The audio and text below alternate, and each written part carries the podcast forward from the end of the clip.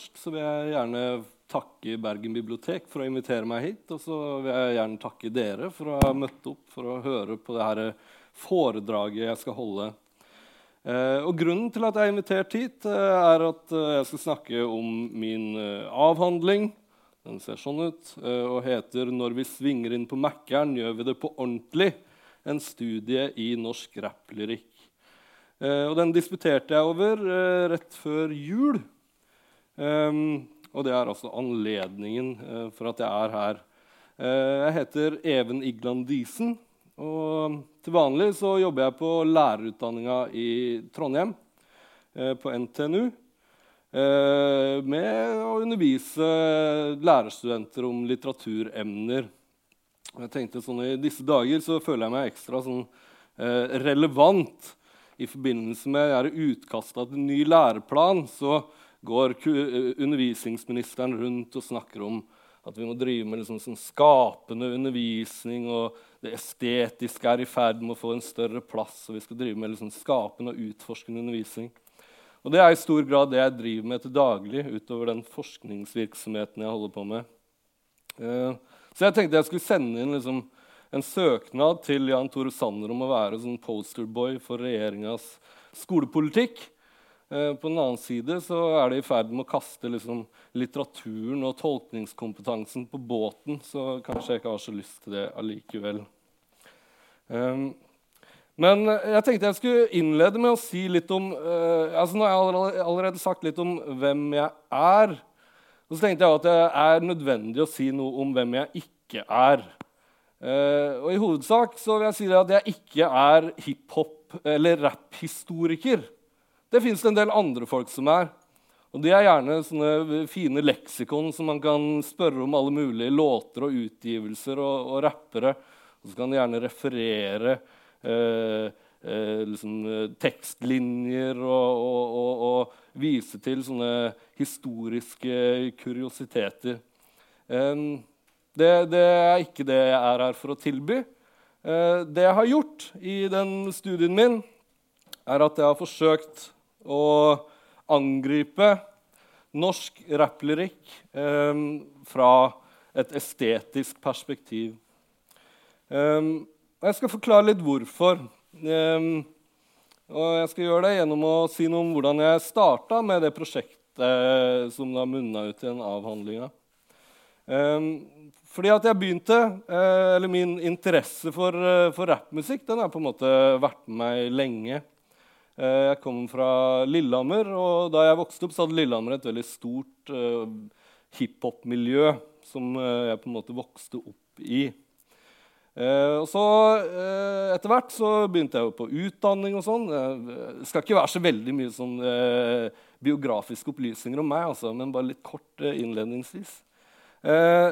men ja, jeg gikk lærerstudiet, og så da jeg tok en master i norsk didaktikk, så begynte jeg å fatte interesse for, eh, for det her feltet som eh, jeg da kaller rapplyrikk, eh, på litt mer ordentlig vis. Og det jeg undersøkte i den masteroppgava mi, det var et par ting. Men jeg hadde en inngang som gjorde at jeg så litt på hvordan rapptekster var innlemma i læreverk for, for skolen, for grunnskolen. Og så syns jeg at jeg oppdaga en del ting som som uh, ikke helt stemte overens med hva jeg syntes var interessant ved sjangeren og ved, ved dens tekster. Uh, fordi at uh, Hovedsakelig så var det de samme låtene som var valgt ut til de her tekstsamlingene.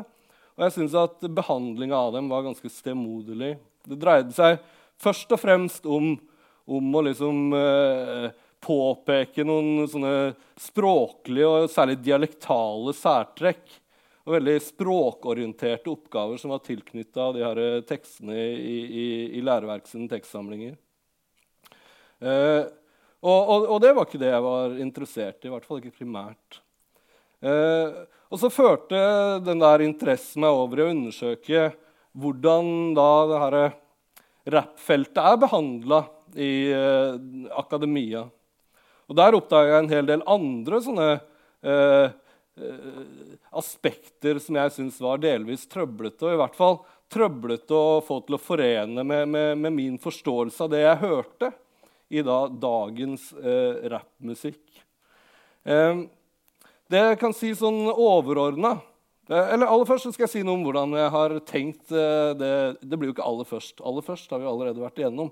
Men jeg skal si litt om hvordan jeg har strukturert eh, dette foredraget. Det har jo en tittel som heter 'Spør doktoren', og dermed har jeg lagt opp til at det skal være litt tid til noen spørsmål på slutten. Uh, utover det, eller Fram til da kommer jeg hovedsakelig bare til å prate. Så, så, det er en relativt løs struktur på dette foredraget. Men jeg har et par sånne holdepunkter. For det første så skal jeg spille noen låteksempler uh, for dere. Noe av det materialet som jeg analyserer, nærleser, i min avhandling. For det andre så har jeg med den nå godt nevnte avhandlinga Eh, og jeg har eh, funnet noen korte utdrag som jeg kommer til å lese. Og det er to grunner til at jeg legger det opp på den måten. Eh, det første er at det er fint å ha noen sånne holdepunkter, sånn at det her ikke sporer helt av. Det kan det jo tidvis gjøre ja, i undervisning osv. Så, så, så jeg tenker at, at, det skal være en slags sikkerhet for oss alle. For det andre så er det sånn at jeg syns ofte at jeg høres innmari smart ut når jeg uttrykker meg skriftlig. Så det er et slags triks. Sjølhevdende triks. men altså, når jeg gikk inn i det her rappforskningsfeltet, så oppdaga jeg at det var ganske omfattende. Og det henger sammen med at det er eh, sterkt studert, eller mange eh, som interesserer seg for det innafor eh, Eh, det feltet som kalles African American Studies. Um, og det er et uh, sånn, uh, forskningsfelt som på en måte vokser ut av sivile uh, rettigheter-bevegelsen i etterkrigstida i USA, og som nødvendigvis eller naturligvis er opptatt av, av svart identitet i USA. Det har mange liksom, kontaktpunkter med postkolonial teori, f.eks., uh, og dreier seg i stor grad om marginalisert eh, svart identitet. Eh, og det, eh, Alle dere som sikkert har ganske god kjennskap til rappsjangeren, vet at det er høyst eh, relevant. Samtidig så var mi, mitt da inntrykk at eh, eh, det kunne være noe sånn totaliserende og også essensialiserende ved dette fokuset på da rapp som kultur. Eller hva rapplyrikken og rappmusikken har å si på et sånn samfunnsnivå. Hva det har å si eh, for samfunnsutvikling. Eh, det var heller ikke det jeg var særlig interessert i å undersøke. Jeg var primært interessert i å eh, se hvordan det her forholdt seg til, til liksom, litteratur- og kunstfeltet i et sånn større perspektiv. Men eh, jeg skal se på eh, Eh, et eksempel av en sånn uh, rappforsker som jeg syns er betegnende for det, for det, jeg på en måte har å si om det. Eh, og For å oppsummere så kan jeg si at de tilgangene som da eksisterte, og i stor grad eksisterer, og er premissgivende på dette feltet, som vi da kaller rapplyrikk, det er sånne kultursosiologiske kategorier. De er opptatt av å se på eh, hvordan eh, kjønn er forhandla, hvordan rase er forhandla, hvordan klasse er forhandla. Alle de tinga her. Og det er klart også at I en eh, amerikansk kontekst så har det større signifikans enn en, en det kanskje har i vår europeiske kontekst. Um, jeg vil understreke at jeg ikke liksom, ser bort ifra de her tilgangene. Det er masse fornuftig som skrives om, eh, om, om, om uh, rap sine liksom, uh, kulturelle betydninger. Um, men jeg syns altså ikke at det er dekkende for uh, den kompleksiteten som man ellers kan finne i en del av den musikken her. Eh, men altså denne Rappforskeren, som er en litteraturviter som heter Alex Pate Han ga ut en antologi i 2010 hvor han eh, er opptatt av å finne liksom, eh, en form for eh, hiphop-kulturell metning. Og måle rapplåter ut ifra ja, deres hiphop-kulturelle metning. Og Da lister han opp eh, åtte sånne kriterier eller spørsmål som han tar utgangspunkt i. Og de er følgende. One, Does this poem express an oppositional posture to the dominant culture? Ok, Her går man liksom rett inn i, i, i det som har vært et av kjernespørsmåla i rappen, eller en av kjerneforståelsene, nemlig at, at rappen er en opprørsk eh, eh lyrisk form. Eh, og det er på en måte relevant. Og så videre sier han uh, number two. Does this poem celebrate or glamorize the marginalized? Three. Does this poem reference African American ways of being in language, image, etc.? Four. Does this poem and its speaker take agency? That is, does it locate the poet and the poet's community at the center of reality and profess truth? Her er vi altså inne på hvorvidt det er autentisk, om det oppleves som ekte om det er eh, liksom en enhet mellom, mellom rapperjeget og det biografiske jeget som rapper eh, låta. Five, is this poem gendered? Six, is this poem politically conscious? Seven, is this poem racialized?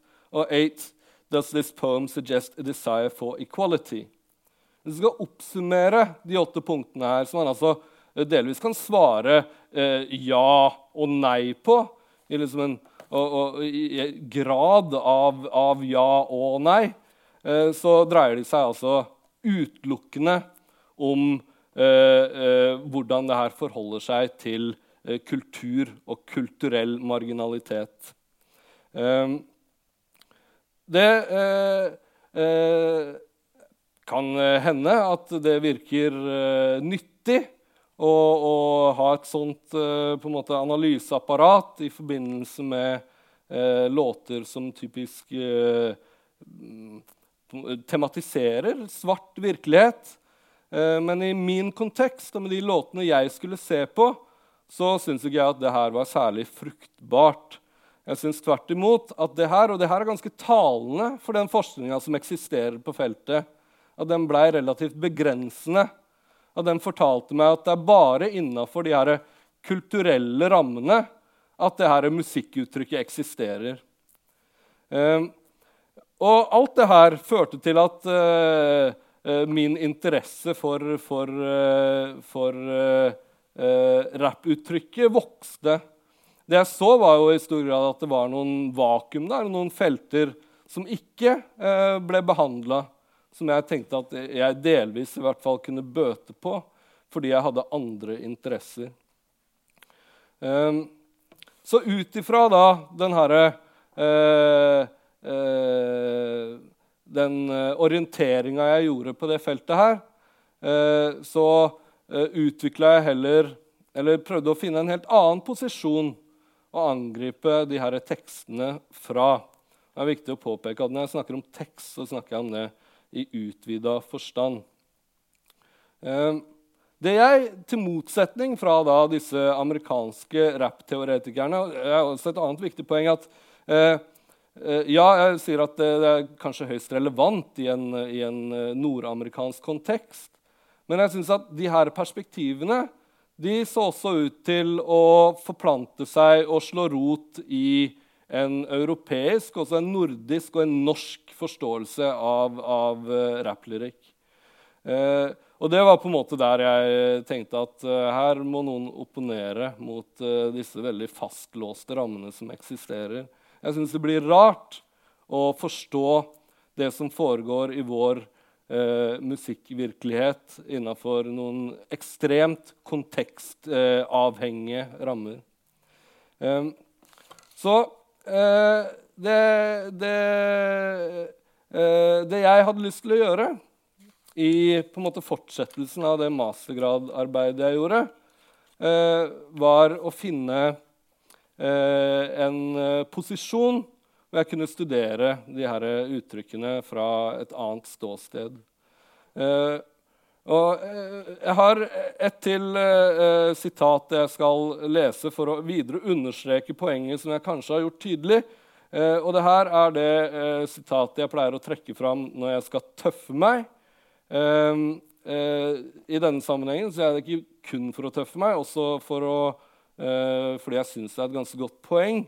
Eh, men jeg må også gi litt kontekst for sitatet.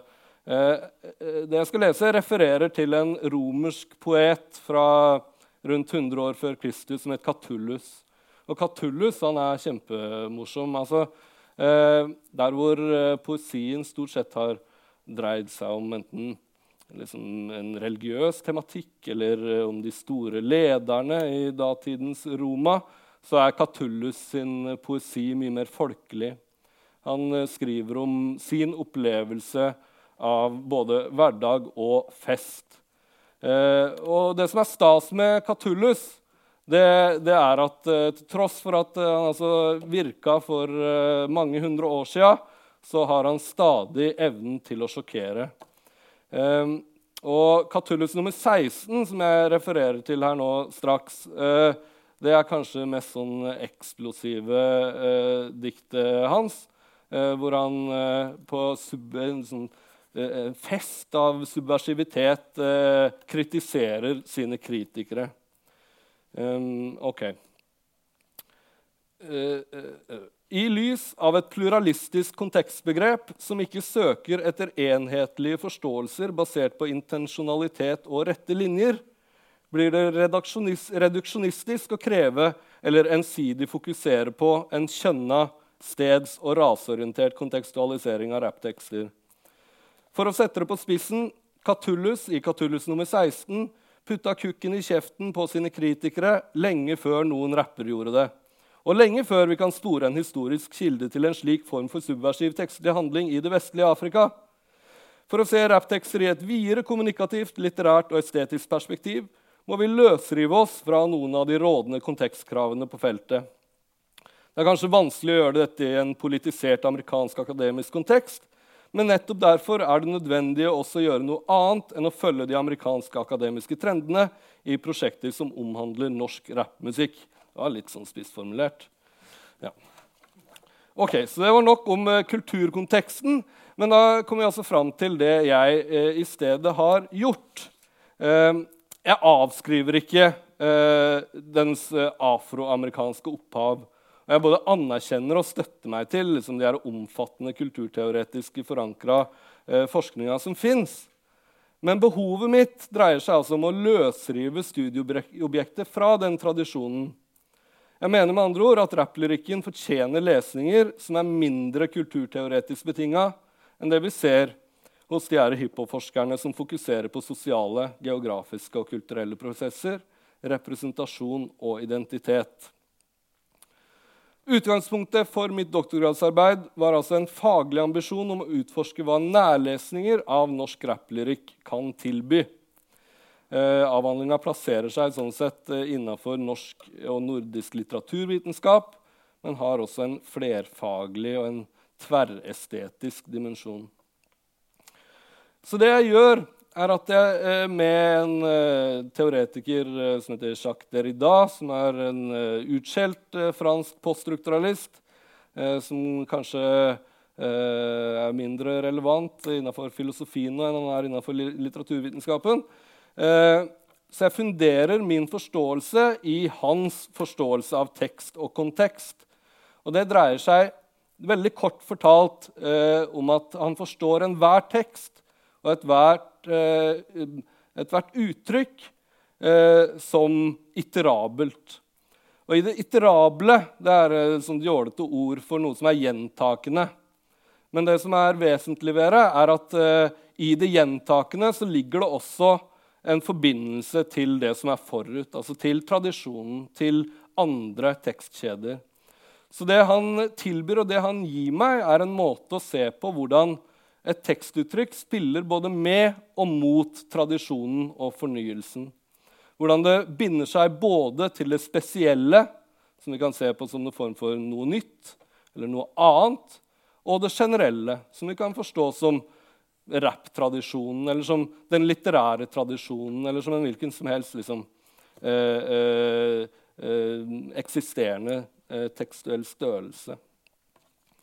Så det jeg diskuterer, er forståelsen av det litterære verkets otherness, inventiveness and singularity. som grunnlag for fortolkning av utvalgte rapptekster. Kort sagt så er det jeg gjør med den posisjonen her som ståsted, å lese et utvalg rapplyrikk fra et estetisk perspektiv som setter det enkelte uttrykket i sentrum for fortolkninga. Og det er det som er vesentlig for meg. At mens alt det her jeg har snakka om som det eksisterende feltet, setter kulturen i forgrunnen og teksten i bakgrunnen, så har jeg motsatt, eh, et motsatt forhold, en motsatt bevegelse. Det andre som jeg oppdaga, var at eh, der hvor det fantes liksom, eh, analyser av, av rappmusikk og rapplyrikk, så var den veldig springende. Det dreide seg gjerne om liksom, å gjengi og diskutere et par linjer fra en rapplåt før man hasta videre til den neste for å gjøre noen sånne overordna poenger om hvordan uh, de til sammen dreide seg om da, svart maskulinitet. Um, mens det jeg gjør, er altså å, å sette uh, det enkelte uttrykket i sentrum for analysen og se hvilke tekstkjeder den inviterer til, hva den forbinder seg med. Det her er andre eh, punktet som jeg nevner, altså at det er en eh, tverrestetisk studie, dreier seg om at når jeg prøvde å gå inn i det her på da, et eh, litt eh, sånn etterrettelig vis, så fant jeg jo fort ut at eh, sanglyrikken kan man ikke studere utelukkende som tekst. Eh, men jeg måtte naturligvis ha blikk for hele eh, låtuttrykket. Så eh, kort fortalt så er det jeg gjør i min avhandling, en kombinasjon av nærlesning og nærlytting, hvor jeg legger vekt på forbindelsene mellom tekst, beat og flow. Jeg eh, kan for øvrig nevne at det flow-begrepet er på en måte en gave til uh, rappforskere. Uh, vanligvis så uh, kan si det sånn at, at sanglyrikken generelt den faller litt mellom to stoler. Eh, fordi det er en, en uh, lyrikk, uh, lyrikkteoretiker som heter, uh, eller lyrikkforsker som heter Ole Karlsen, som var min veileder i denne avhandlinga som sier at han tror at grunnen til at man ikke studerer sanglyrikken innenfor litteraturvitenskapen, er at litteraturvitere kan for lite om musikk. Litt tilsvarende er det sånn at innenfor musikkvitenskapen så har man tradisjonelt vært opptatt av Eh, den vestlige, klassiske musikken. Og det er veldig få studier av uh, popmusikk og av, uh, av vokaldrevet musikk i, i, i, det hele tatt. så det er et litt sånn lite studert felt.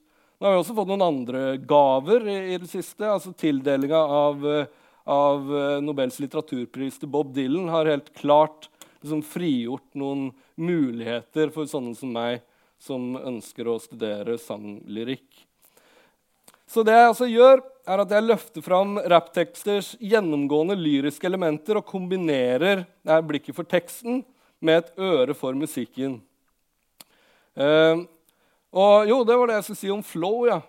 Uh, det, er, det, er, et kjempefint begrep innafor altså De som studerer annen type sanglyrikk, andre sjangre, de sliter med å finne et dekkende begrep for liksom den, hva som foregår i den performative dimensjonen mellom tekst og musikk. Akkurat det som flow på en måte tilbyr i forbindelse med rap. Eh, for det er jo sånn at Flow det eh, dreier seg både om noe som vi kan si er singulært, noe som knytter seg til det personlige, noe som knytter seg til det distinkte ved én bestemt rappers levering. Men så er det også en mer sånn kollektiv og mer universell dimensjon, hvor det dreier seg om mer generelle mønstre som vi kan snakke om uh, ulike forståelser av flow sammen uh, gjennom. Ja. Uh, nå skal jeg straks spille et eksempel. men det her har altså munna ut i en avhandling som består av tre analysekapitler, eh, hvor det jeg er eh, spesielt opptatt av, er altså Oppsummert sett så dreier det seg i stor grad om at det jeg også hørte ja, Man kommer på ting underveis. Veldig kjekt. er at de, de, noe av grunnen til at jeg syns at de rammene som jeg fant, ikke var dekkende, var også at jeg syns at de på en måte rekreerte og gjenskapte noen sånne ideer om hva, eh, hva rapp er, som jeg syns kunne virke ganske fastlåste. At de på en måte eh, bekrefta den tradisjonen som fantes, og tok lite hensyn til en sjanger som i hvert fall i mine ører var i veldig sterk utvikling. Eh, og I forbindelse med det så må jeg også si noe om hva det utvalget mitt er, eh, og en hiphop- eller rapphistorisk utvikling i Norge. Eh, fordi at det er jo sånn at eh, eh, rappen i Norge den liksom dukker først opp som et ganske sånn direkte adoptert uttrykk. Man rapper på engelsk om typisk eh, amerikansk gangstertematikk. Det er de første uttrykka. Og så kommer det sånne, en sånn hybridfase hvor eh, enkelte begynner å rappe på norsk, men fremdeles så dreier det seg veldig mye om den samme tematikken, de samme motivene som det man finner i liksom, eh, opphavsrappen. Eh, og da har vi kanskje kommet fram til sånn, eh, slutten av 90-tallet, og så er det en voldsom oppsving for eh, norsk morsmålsrapp på starten av 2000-tallet. Eh, deretter så er det litt sånn at eh, uttrykket stivner, i hvert fall sånn jeg oppfatter det. Etter hvert så blir det sånn at alt høres ganske likt ut. Utover 2000-tallet så er, blir det både altså, Rappen får mindre oppmerksomhet av, av de som lager spillelister på radio, og det er i det hele tatt lite eh, nytt som, som, eh, som, oppnår noen særlig oppmerksomhet. Eh, og eh, for meg virker det som det dreier seg en del om at alt høres ganske likt ut. Det danner seg noen sånne idealer eh, om at eh, rapp kun skal dreie seg om noen bestemte ting og kun framføres på noen veldig bestemte vis. Og denne oppfatninga syns jeg råder i norsk rapp utover 2000-tallet eh, fram til kanskje 2010, rundt der. Det er heldigvis noen, eh, noen eh, gode eh, eksempler som bryter litt med den oppfatninga her. Altså, det skjer spennende ting også. De der gærningene på Sørlandet i Vågsbygd Handy gir ut noen artige ting. Det er òg en del eh, spennende som skjer, som holder liksom, kulturen og musikkuttrykket levende her i Bergen. Um, men derfra så eh, blir det jeg interesserer meg for, det som skjer i en løsrivelse fra eh, de her litt sånn eh, eh begrensende rammene. For at oppfatninga mi er at eh, etter 2010 så skjer det igjen en kjempeoppblomstring. Og den skjer eh, i, mens det, her, mens det er en bevegelse fra at rap blir oppfatta som et subkulturelt uttrykk, til at det blir fullstendig integrert i mainstream-kulturen. Og I utgangspunktet så eh, kunne man kanskje tenke at det er jo en negativ utvikling. Nå mister alt særpreg osv. Hiphop-essensialister, de som er veldig opptatt av, av eh, liksom hvordan det skal være, og hvordan hvordan det skulle være i, i the golden age of hiphop eh, på slutten av 80-tallet og starten av 90-tallet, de er sikkert kjempeskuffa over at eh, rappen har blitt såpass ekspansiv som den har blitt. Men mitt perspektiv er altså at eh, rundt sånn 2012-2013 kanskje og utover så skjer det en sånn kjempeoppblomstring. Hvor det åpner seg en masse nye muligheter, både tekstlig og musikalsk. Og Det dreier seg bl.a. om en oppløsning av det her veldig sterke sånn autentisitetsbehovet, ektehetsbehovet, som rappen har vært prega av. Det blir etter hvert andre måter man kan fremstå autentisk og ekte på enn eh, å, å, å, å kun tradere en sånn gangstervirkelighet. Eh, så eh, dermed blir altså mine lesninger en slags generasjonell studie hvor jeg ser på hva de her rapperne som både har forholdt seg til det ganske strengt regulerte eh, rappsjangeren, og liksom vært med i den forløsninga som, som, jeg oppfatter det som har vært, eh, eh, fram mot i dag. Eh, så De rapperne jeg ser på i min avhandling, er uh, ikke så veldig mange. Uh, det er Jonny og Onkel P fra Dirty Oppland uh, og Lillehammer. og så er det noen bergensrappere, Lars Vaular og Store P. og så har jeg et kapittel om en trøndersk undergrunnsrapper som heter Sunner, som kanskje spesielt interesserte kjenner fra den herlige eh, white trash-estetiserende duoen Bromstad Billionaires. Eh, men nå tenker jeg det er på tide med et eksempel. Eh, og Det jeg skal begynne med å spille, det er altså fra det ene analysekapitlet mitt, hvor det jeg vurderer, det jeg ser på, er nettopp hvordan det her idealet om hva som er ekte eh, rapp og ekte rapper, delvis blir utfordra. Eh, på eh, seinsommeren i 2013 så eh, dukker opp en hel sånn føljetong, masse remixer av den store bangeren til Rick Ross som heter BMF. Og BMF-låta den slår fryktelig sterkt an. Antageligvis mye pga. Uh, hardtslående beat med veldig liksom, tydelig dropp fram mot, fram mot hooket. Eh, eh, og det at den nettopp dreier seg om eh, å representere seg sjøl. Det er jo da liksom de klassiske tematikkene innafor rappen. Å presentere sin egen hardhet og sin egen eh, rap-ektehet.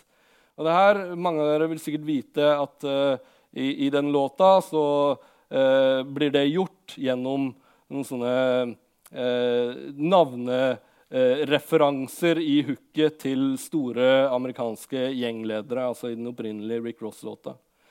Eh, og det her er eh, liksom en form og et tekstlig innhold som blir ganske direkte overført til den norske virkeligheten også. Det er snakk om, eh, altså det, blir, det er 20 av de eh, mest markante rapperne i Norge da på den tida de gir ut sine versjoner av den, av den låta her. De er ganske like.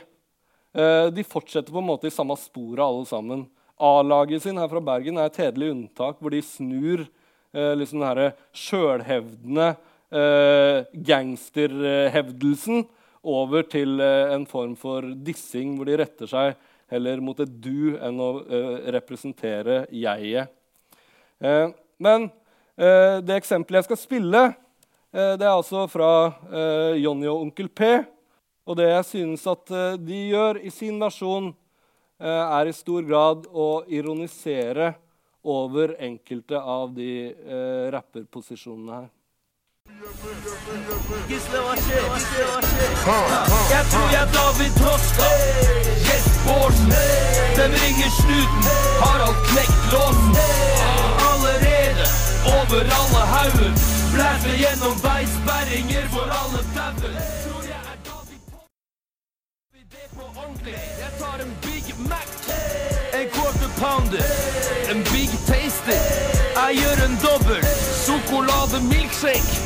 og ekstra pommes frites. Når vi svinger inn på Mækkern, gjør vi det på ordentlig. Eh, det er altså særlig det her avsluttende hooket jeg er interessert i. Fordi at mens eh, strofene, eller det man i eh, musikksammenheng vi kaller for versa, eh, dreier seg om den samme formen for sjølhevdelse som er basert i eh, en sånn eh, eh, det, det, man ser på som en typisk eh, afroamerikansk eller svart form for metafor som kalles for 'signifying'. Det er et begrep lansert av en afroamerikansk litteraturviter som heter Henry Louis Gates. Og det er et ganske fin sånn, eh, fint begrep eh, som, som, virker på mange måter for flerfoldige metaforiske praksiser. Hvor det enkelt sagt dreier seg om at eh, eh, jeget på en måte antar, tar til seg de kvalitetene eller egenskapene til personene eller tingene som man gir referanse til. Så, når, eh, så det her er bygd opp omkring personene og egenskapene til henholdsvis David Toska og Gjest Bårdsen. som blir en slags først en, en, en, eh, en videreføring av gangstertematikken og gangstermotivet. Og så blir det litt sånn folkeliggjort gjennom referansen til, til uh, gentlemansforbryteren og den folkelige forbryteren Gjest Baarsen. Uh, så her er vi også fremdeles i det samme liksom, landskapet som resten av BMF-remiksene. Uh, men så kommer vi altså til det her siste hooket som jeg er mer opptatt av. og Da skal jeg igjen lese fra avhandlinga. Ordet 'vers' har sitt etymologiske opphav i latin 'versus', som henspiller på plogens vending. Her kan vi snakke om vendinger på flere plan. Det var en ganske ekkel uh, introduksjon, egentlig. Uh, jeg blir litt flau når jeg leser det. vi får håpe at det bedrer seg. I hookets første vers forstår vi at rapperne har søkt tilflukt på McDonald's, som blir en synekdoke for gatemat, amerikansk kultur og folkelighet. Det bedra seg kanskje ikke så veldig. Synekdoke er jo et ganske jålete begrep. Eh, også en form for metafor som består av at eh, en del representerer en helhet. I den sammenhengen her er det altså snakk om at da delen McDonald's eh, eh er en metafor for helheten, det amerikanske folkelig trashy samfunnet, eller noe sånt. Eh, jeg prøver meg litt lenger allikevel. Med et overraskende grep svinger altså Johnny og, eh, Johnny og Onkel P i bokstavelig forstand av veien de kjører på i sin flukt fra politiet, samtidig som de kommuniserer ei vending i overført og mer overordna betydning. Og her kommer altså poenget. Det tok lang tid før jeg klarte å introdusere poenget. Gjennom ei høyst uhøytidelig og humoristisk sjølframstilling motsier de tøffe sjølhevdinger i tøff, tidligere strofer. Dermed harselerer de også med hiphopens gangsterdiskurs, men de fastholder samtidig den opposisjonelle autoritetsinnstillinga. Det er ordensmakta, altså snuten, som taper i jakta på den mytebelagte, fiktive gangsterhelten. Den ambivalente, antiautoritære helteskikkelsen består. Vi vendes bort fra de hiphop-kontekstuelle tekstkjedene, og det lyriske jeget vender seg innover mot en kjerne i det som kan ses som en allegorisk metatekstuell kommentar. Når Johnny og Onkel P spiser junkfood eller gjør søppel, gjør de det på ordentlig.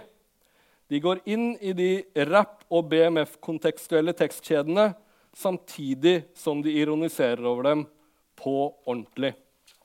Eh, så her ser jeg altså en slags oppløsning av, her, av både gangsterdiskursen og, eh, og det her ektehets-idealet. Og Det ser jeg videreført i veldig mye av, eller ser jeg eksempler på i veldig, veldig mye av, av norsk eh, rapplyrikk. Eh, det eh, neste kapittel i avhandlinga mi dreier seg om, om lesninger av, av Lars Vaular og Store P. og Jeg har ikke tid til å spille eksemplene nå, men kort fortalt så kan jeg si at det, jeg har dessverre ikke tid. At det, det, det dreier seg eller der, der, ser jeg på et uh, slags romantisk barneideal som jeg synes er betegnende for mye av denne bergensrappen. egentlig. Jeg vil sikkert være uenig, men jeg kan tenke på det. Hvis vi f.eks. går til uh, Lars Vaular sin utgivelse 1001 Hva den heter 1001 Hjem heter den, ja, nemlig. så er det jo gjennomgående en sånn eh, nostalgisk, eh, nærmest sentimental utgivelse som dreier seg om hans barndoms- og ungdomsbergen. Eh, Veldig ofte så er liksom tapet av uskyld og overgangen fra barndom til liksom voksentilværelse tematisert hos han. Og Det syns jeg også er videreført i liksom det musikalske forelegget i den derre eh, eh, Alt gir mening-serien hans. Hvor det er liksom Eh, min og mange av vår generasjons 80-tallsmusikk eh, som, som, som, regjerer. Altså, den Produsenten har hørt mye på både Phil Collins og Peter Gabriel. Peter Gabriel er for øvrig jævlig bra. Eh, men, eh, der, så, så, der ser jeg på en, en sånn romantisk tendens, eh, egentlig, som jeg syns er interessant. Eh, fordi at eh, Det er det der med representasjonen som endrer seg. Det dreier seg ikke lenger om å representere noen subkulturelle idealer. Det dreier seg i mye større grad om å representere seg sjøl. Eh, og, og, at ekteheten kommer fra en form for liksom personlig autentisitet og ektehet. Og, og, i den bevegelsen så mener jeg også at rappen begynner å representere mye mer universelt. Når den representerer noe personlig, noe eksistensialistisk, noe, noe allment, eh, så, så, representerer den også universelt. Og Det siste eksempelet som jeg skal spille, det, eh, det går på en måte enda lenger i de retningene der. Her vil jeg eh, heller snakke om en form for ikke-representasjon. Jeg låt som tematisk må betegnes som en form for sentrallyrikk. Altså Sentrallyrikken det er den som tar opp de store temaene i livet. Livet og døden og havet. Er det noen som sier om det der? Hvem er det som sier det, Elin? Jeg vet ikke. Ja. Eh, men her er altså fra den trønderske rapperen eh, Sonjer.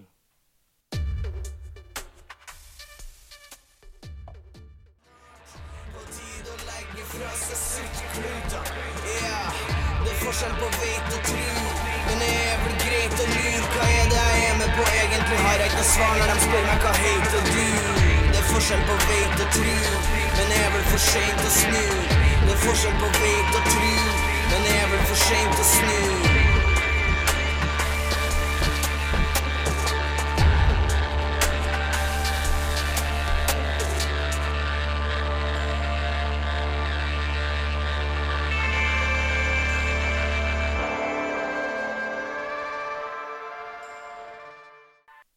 Sang på veldig mange plan, egentlig. Den heter 'Dubinarium'. Eh, er eh, foreløpig uutgitt, men eh, Nei, den kommer snart, ifølge rapperen sjøl. Ja, det er en veldig spennende tekst, fordi at den dreier seg om noen sånne spenningsforhold som er nesten til å ta og føle på. Altså Det som er dominerende, er jo det som dreier seg om tro og tvil.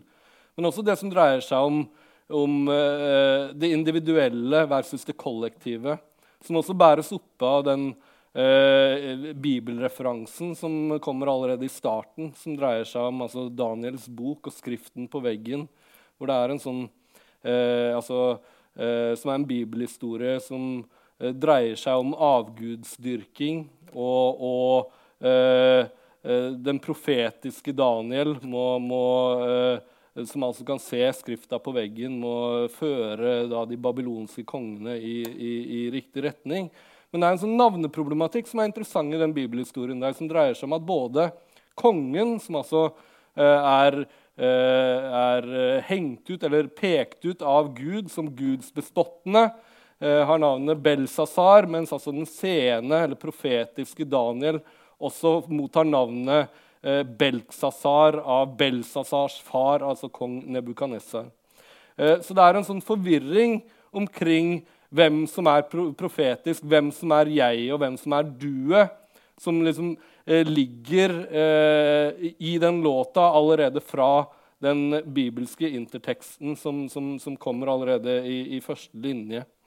Eh, og så er det de her spenningsforholdene, veldig usikra posisjonen, som, eh, som, eh, eh, som, jeg ser som en form for ikke-representasjon. Altså her er det et jeg som er i, i, i villrede. og som søker en slags bevegelse vekk fra en sånn stillstandstilværelse. og det er så vanvittig mye mindre skråsikkert enn det aller meste eh, eh, rapp som både jeg og dere har hørt, vil jeg nok påstå. Um, og eh, jeg kan uh, i tillegg så, altså det her er jo også underbygd av, uh, av, av, det musikalske og av altså flowen hans. Man varierer i stor grad i tempo, som intensiveres, og den nagende uroen kommer nærmere med den liksom, dissonerende gitaren og, og den mer sånn ettertenksomme, rolige flowen i, i partiet. Eh, og, og, og til sammen så blir det her altså et låtuttrykk hvor eh, vi er nødt til å spørre oss hvem er det her jeget? Hvor plasserer han seg? Og hva er den tvilen han nages av? Um, Og, og, og, det er ganske langt fra der jeg starta med at uh, rapp-jeget alltid representerer en bestemt kulturell eller subkulturell identitet. Jeg hadde, Hvis det ikke er noen flere spørsmål, så hadde jeg et uh, populærkulturelt poeng til slutt som jeg var veldig fornøyd med, men som jeg glemte å komme med underveis her. Fordi at I forbindelse med det der, uh, 1001 hjem-albumet uh, til Lars Vaular så hadde jeg tenkt å si at jeg oppfatta det som et overgrep på lytteren. Ikke pga. musikken i seg sjøl, men fordi at når han utga det, så utga han det sammen med en sånn webplattform med liksom en masse sånn låtinspirasjonslister og forklaringer av, av uh, rapperens intensjoner. Og i mitt prosjekt så gir jeg faen i rapperens intensjoner. Jeg er overhodet ikke interessert i hva de mener med det de sier. Jeg er opptatt av hvordan det inngår i andre tekstuelle kjeder. Hvordan det inngår i liksom, kommunikasjon og litteratur for øvrig. Og eh, Det samme har skjedd nå med den nye utgivelsen til Carpe Diem, som ikke lenger heter Carpe Diem. Jeg, er, jeg, jeg, vil ikke at de skal vise meg akkurat hva de har tenkt. Jeg syns det er helt forferdelig for en lytter å bli utsatt for. Og så tenkte jeg at, eh, og, så protesterer jeg også på det her navnebyttet deres fra altså Carpe Diem, som er en feilskriving som på en måte eh, signaliserer eh, ungdommelig overmot på sitt aller beste, til å da bli hetende eh, karpe, som er en mytisk og mystisk japansk fisk. Og protesten min går ut på det at de, det, det bandet der de er besatt av fuglemetaforer. De rapper bare om byduer og kråker og påfugler. Fisk det kan de drive med på Sørlandet og på Vestlandet. Er ingenting i den Oslo-rappen å gjøre. Bare tull. Um, så jeg tenker kanskje også i og med at uh, jeg har brukt opp tida mi, så skal jeg stoppe der og